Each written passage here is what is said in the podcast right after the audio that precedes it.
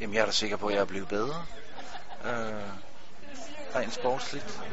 Anders Themsen er 47 år og er en del af den paralympiske brutotruppe i paracykling. Han har deltaget tre gange på Præsalit Sportsakademi, et eliteakademi for atleter med fysiske handicap.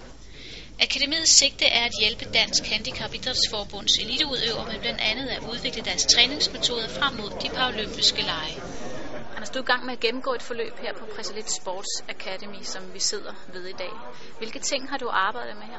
Jeg synes, der er nogle øh, rigtig gode emner øh, på bordet fra gang til gang, og, og der har både været øh, omkring mentaltræning, men også øh, rent fysisk. Øh, input, jeg har kunne tage med herfra og, og inkorporere i min øh, egen hverdag på cyklen, og, og det sætter jeg stor pris på. Hvil- Hvilken betydning har forløbet øh, haft for dine sportslige præstationer? Jamen, jeg er da sikker på, at jeg er blevet bedre rent sportsligt. Det er jo lidt svært at måle på og svare på, fordi hvordan ville det have været uden øh, i forhold til, hvordan det er i dag.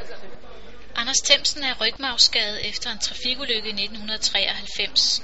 Han begyndte at dyrke paracykling, og i august 2010 deltog han i sit første verdensmesterskab. Hans forhåbning er nu at deltage både i enkeltstart og landevejsløb ved lejene i London, der går i gang den 29. august i år. Hvordan føler du dig så rustet til nu at skulle måske til PL, efter du har gennemgået det her forløb? Jamen, jeg føler mig udmærket rustet. Jeg er jo ikke udtaget endnu, og er jo også øh, sådan lidt usikker på, om det lykkes. Så der er stadig et meget højt spændingsniveau. Men rent mentalt, hvad har du så taget med her, som du kan bruge i sådan en stor turnering som Paralympiske Lege?